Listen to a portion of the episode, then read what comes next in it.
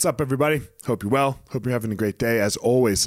Um, man, so what I want to talk about. Oh, man, I just fell off my box, my little my little thing. Sorry about that.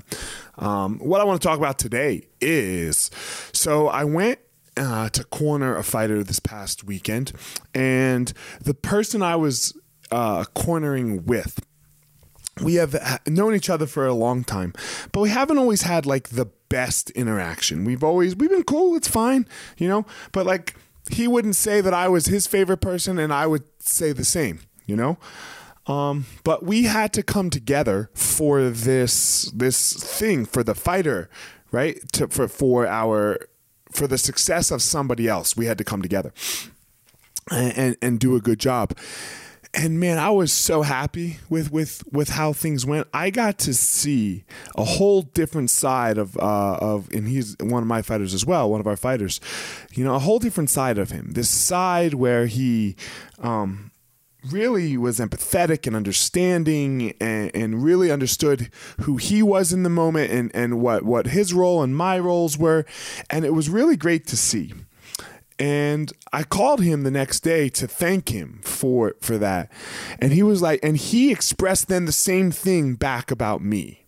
You know, and it was so nice because now I think we're going to be closer and tighter. We're not going to be best friends, right? We have different lives. It's okay.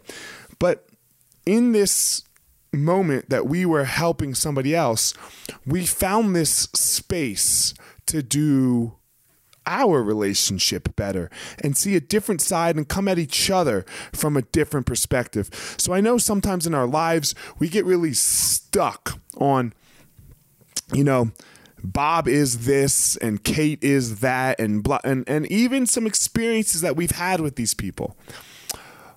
What I would ask and what I'm going to try to always do as well. You know, this was a great experience for me is to have a little space for a different perspective. Have a little space for maybe a different narrative going going on in my head than uh, I'm sorry, having a little space for the idea that there is a different narrative and a different perspective than the one that is going on in my head. Because that's just mine. You know that's just mine and how i'm seeing it. There could there could be another truth at play. So a little less rigidity uh, I think that's the word.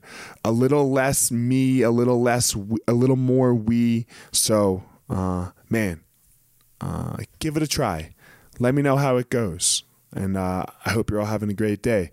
And as always, find your power.